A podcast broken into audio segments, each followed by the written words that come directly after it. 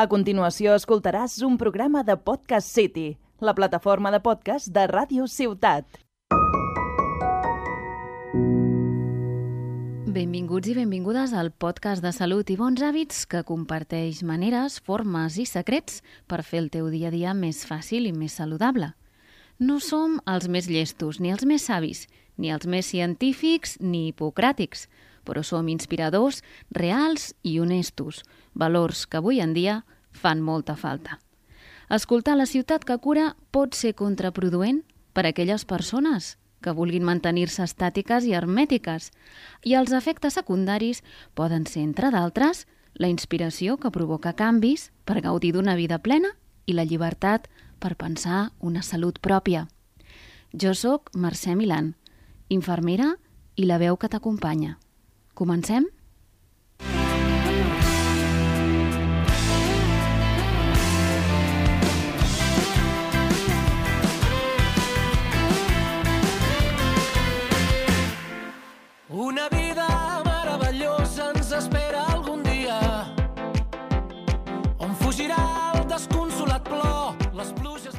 Avui l'Atlas de Felicitat ens porta a Alemanya per conèixer només una paraula que de ben segur no pronunciaré bé, però que és de vital importància conèixer el seu sentit i significat en el nostre propòsit de fer cultura de salut.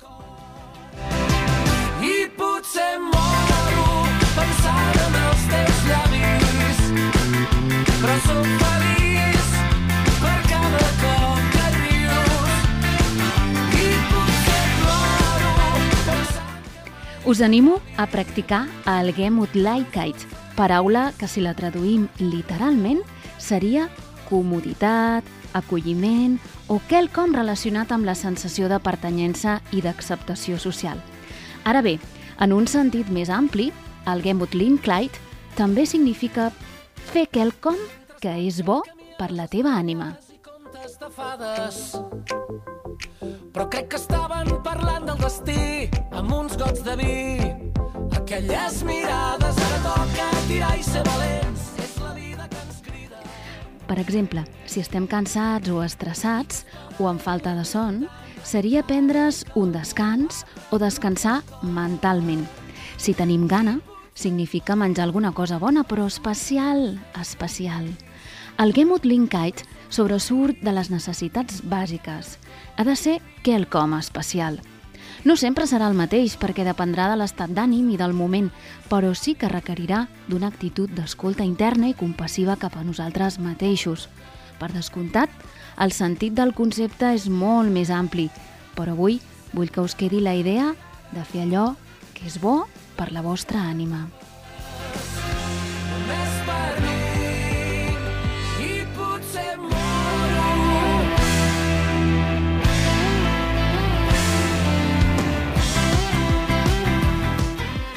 Compartir amb vosaltres, també amb l'interès d'escampar la cultura de salut, el llibre publicat Atlas de los Países en busca de la felicitat, coordinat pel catedràtic del Departament de Geografia de la Universitat de Barcelona, Joan Tort.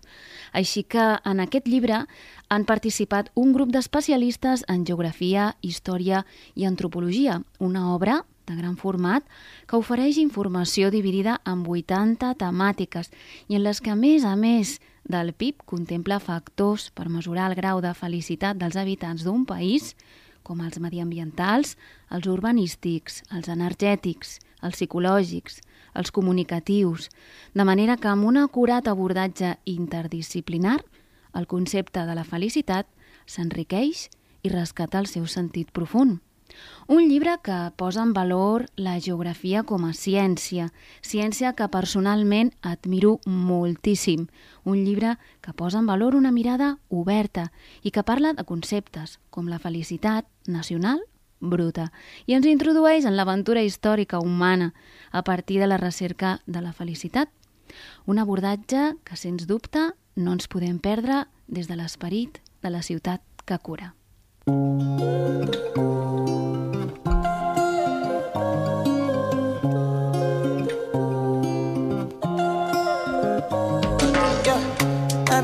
Valentine. Can I you to make you my temperature rise? If you leave me a good time, I swear you are like the oxygen I need to survive. I'll be honest. Loving the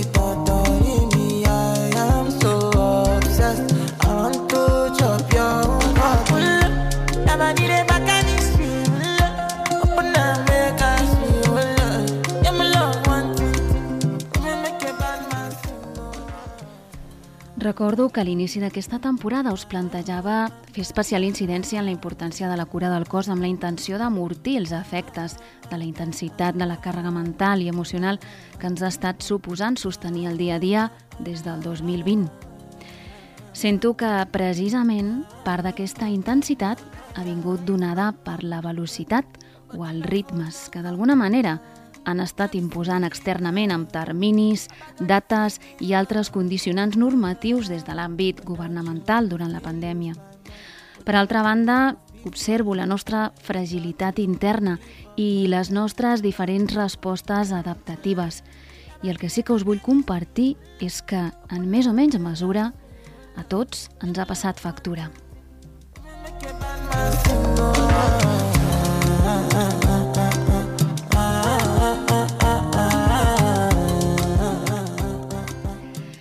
No podem obviar que l'altra gran part de la dificultat adaptativa ha estat originada pel rebombori intern que ha suposat i suposa ajustar les nostres dinàmiques i estructures mentals a les situacions de canvi constant. Em pregunto, doncs, si abans de baixar el cos no hem de respirar i fer consciència que realment estem passant per una situació traumàtica tots plegats. Sí, traumàtic perquè és quelcom que ocasiona un trencament gran o petit, però que genera un impacte per la persona. Uh, anem a, a dir, i sí, conscients, conscients de debò, vol, vol ser, vol, vol, vol fer un parar, parar-se uns minuts a fer repàs de tot allò que en un temps hem viscut, hem donat per fet, hem donat per normal o per necessari, però que potser no ho era. Vull que, que fem consciència i que, i que fer-ho mm, passa per respirar en majúscules, per sentir en majúscules i posar-nos en mode pausa. Apretar el botó stand-by, però de debò. El microhàbit d'avui ens ajuda a precisament apretar el botó per poder tornar.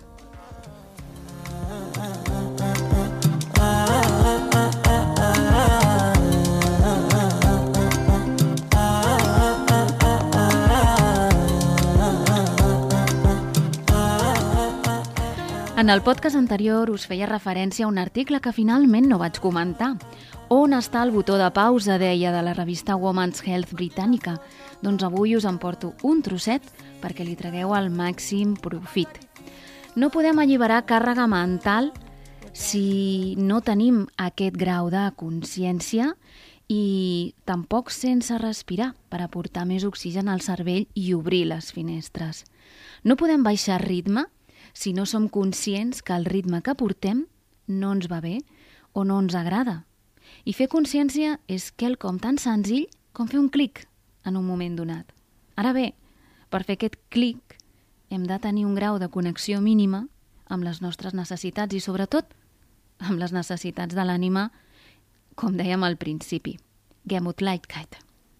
Sé que ara que m'escoltes estàs en mode mental actiu i et serà difícil parar per fer consciència o respirar. Realment no podràs. Però et convido a que et regalis un moment d'aquells que tu saps que t'ajuden a oxigenar-te. Pistes per apretar el botó del pausa. Sí? Utilitza cadascun dels cinc sentits per aconseguir aprofundir en sensacions, sensacions satisfactòries de calma. Una cosa tan senzilla com que quan hi ha sobrecàrrega a nivell mental, qualsevol estímul sobrepassa el nostre sistema nerviós i activa el mode lluita. Entrem en alts nivells de cortisol que es mantenen a llarg termini. Creieu que, doncs, serà ràpid o lent baixar aquests nivells? Quant de temps portem així? Doncs dependrà una mica de la facilitat de cada persona per connectar amb recursos que li permetin descarregar, alliberar o buidar el sistema. Tenim recursos? La resposta és que la gran majoria no. Les paraules restaurar, recuperar, restablir són de vital importància ara per nosaltres.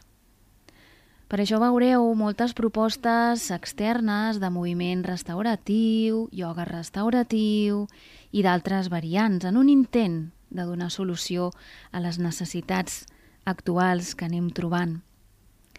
Cal tenir present la temporalitat, tal i com parlàvem abans, d'acceleració, velocitat i ritmes i de com ens han afectat, ara necessitem també temps, en majúscules, per reparar les tensions que el mode alerta, tan perllongat en el temps, ha provocat en l'organisme. Temps vol dir que no en tindrem prou en fer un taller de ioga de dues hores o amb una sessió de massatge, si tens sort. Temps voldrà dir constància i regularitat en aplicar algun recurs que t'ajudi a aconseguir el teu propòsit. El propòsit per mi avui és fer conscient que cal desactivar el mode alerta i alliberar la càrrega mental.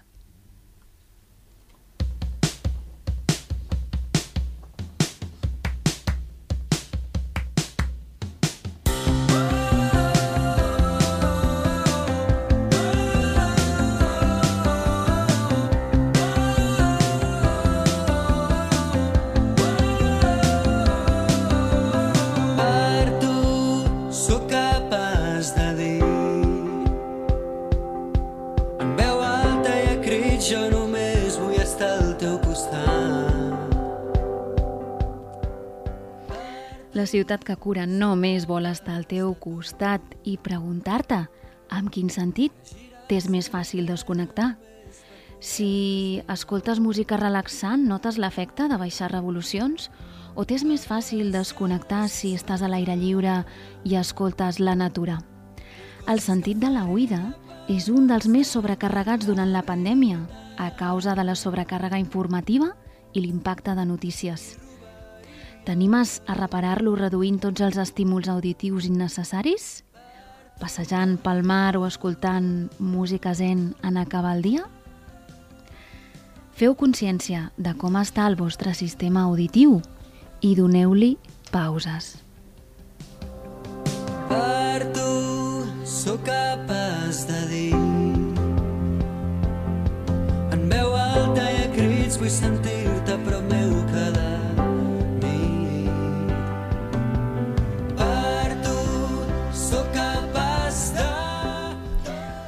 Per tu tenim a utilitzar el sentit de l'olfacte per incorporar olors reparadores en el teu entorn.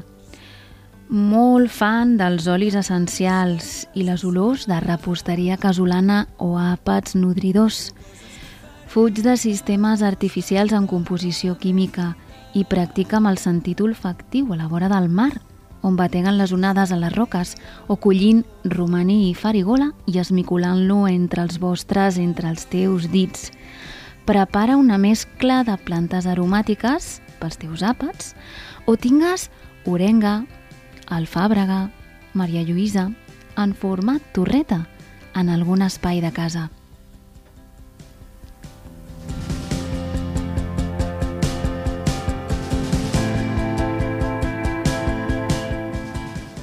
L'olfacte et transporta a records i a sensacions directament cap al teu cervell reptil, perquè forma part de la memòria de supervivència.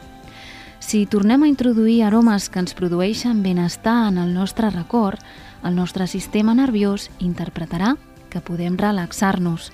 No cal dir que el sentit del gust també ens ajudarà i que té la particularitat d'activar unes zones específiques del cervell que també ens porten a records, respostes i sensacions ben guardades dins nostra. Recorda el programa de la segona temporada on parlàvem amb el Pola del restaurant a l'Alquimista de Reus que us animo sempre a visitar i a fer un tast. Tot un mac en la creació de gustos i sensacions que alliberaran el teu cervell abans te n'adonis. Proveu coses noves, recupereu àpats que us reconfortin i que us facin retornar a casa. Mil coses que faria per mostrar-te la veritat. I aquests ulls que tot ho veuen? La vista, carregada de llums artificials, pantalles i velocitat, ens acompanya silenciosa en el nostre dia a dia sense descans. Podràs dedicar-li atenció conscient aquesta setmana i recordar el consell de la ciutat que cura d'apretar el botó del pausa? Com ho pots fer? Doncs molt fàcil. Ampliar el teu camp de visió. Passa de mirar el mòbil a guaitar per la finestra. Canvia la pantalla per dibuixar, agafar un llibre, pintar o escriure. I surt de casa per obrir-te al món i passejar per un entorn natural o agradable. A nivell local, pots tenir cura dels teus ulls amb uns banys oculars d'infusió d'eufràsia. L'eufràsia és una planta que trobareu a arboristeries o a farmàcies. És molt específica per guarir els ulls, té moltes propietats. Eufràsia templada, aplicada sobre els ulls tancats amb uns cotonets o amb uns apòsits, us proporcionarà aquesta sensació de confort, igual que si utilitzeu també la camamilla tèbia durant 10 minuts, infusioneu aquests apòsits o aquests cotonets i us els apliqueu una estona sobre els ulls tancats. Procura hidratar els ulls amb un coliri natural si estàs moltes hores davant d'una pantalla i si no, també fes-ho de tant en tant per donar confort. Ja per acabar, recordar-te que el tacte serà una mesura restauradora i reparadora per si mateixa. No cal dir que també ha estat limitat per normatives i mesures i això ha tingut un impacte en la nostra essència humana. La distància i l'aïllament han reduït els nostres nivells d'oxitocina d'una forma brutal i és una hormona essencial per la nostra sensació d'afecte, de plenitud i de benestar. Toca ara de nou fer consciència d'aquest impacte i d'aquesta necessitat i buscar maneres de tornar a emplenar el dipòsit afectiu imprescindible per la supervivència humana. La pell és l'òrgan on s'enregistren els estímuls de temperatura, tensió, moviment. Els propioceptors són les cèl·lules que recullen tanta informació al dia a través de la pell en els infinits racons del nostre cos que són els grans oblidats. No a tothom li relaxa un massatge en les mateixes parts del cos. Saps quina part del teu cos t'ajuda a desconnectar més fàcilment si la toques suaument? Quan et dutxis, pots posar-te un oli hidratant abans d'esbandir-te amb la intenció de reparar conscientment l'estrès acumulat o aplicar una crema hidratant amb calma, dedicant un moment als peus algun cop a la setmana. Practica donar les gràcies a les parts del teu cos que et sostenen cada dia, per favor, si us plau. I deixeu-me dir que és moment de recuperar les abraçades i l'encaixada de mans. Deixeu-me dir que les carícies ens fan molta falta i que el nostre cos ens necessita. No és una necessitat d'exigència de passes ni de quilòmetres al dia, no és una necessitat de sol, de banys de sol, de vida a la pell i d'activació interna, però molt i molt profunda, amb la intenció d'agrair i restablir la veritable força vital que tenim dins nostra, adormida i estabornida. Un sentit cada dia o cinc sentits al dia. Tant és. La qüestió és que, durant un temps, practiqueu la desconnexió i apretar el botó de pausa a través dels sentits. Feu-vos el microhàbit a mida i feu-vos-ho fàcil però bonic. La intenció de restaurar inclou matisos de calma, de suavitat i d'autorespecte, d'escolta interna i d'espai personal.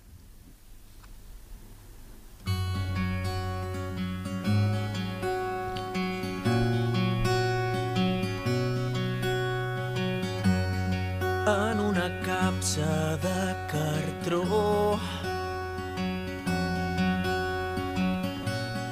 Vells records que ja no serveixen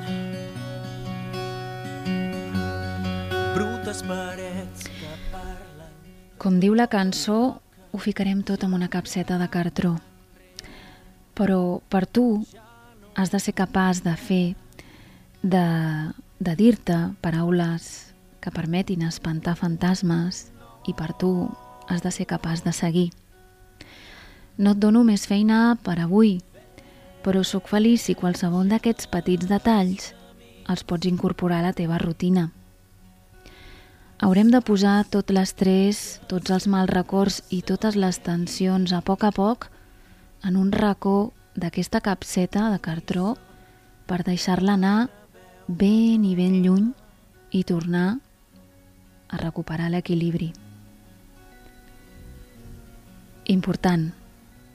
Paraules com reparar, restaurar, restablir i regenerar.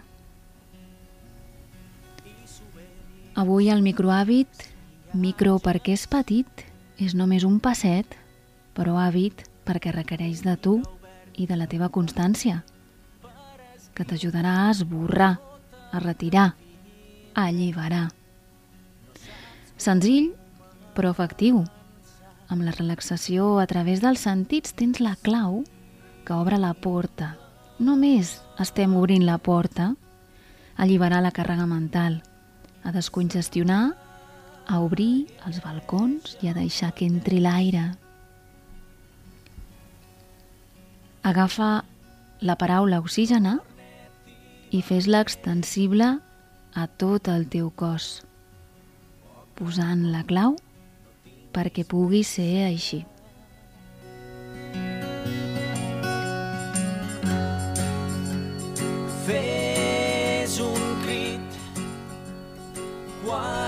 Sentis sol i vindré per fer-te costat. Deixa un llit Com sempre, la ciutat que cura vindrà a fer-te costat. I ara sí, fins aquí, un plaer, com sempre, acompanyar-te amb la il·lusió de seguir-ho fent. El proper podcast amb més idees, opcions i recursos.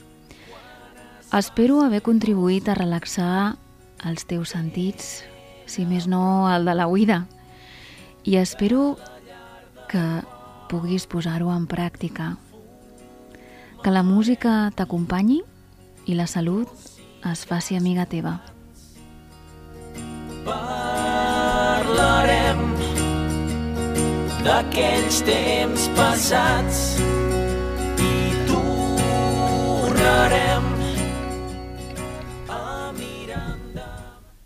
Has escoltat un programa de Podcast City, la plataforma de podcast de Ràdio Ciutat.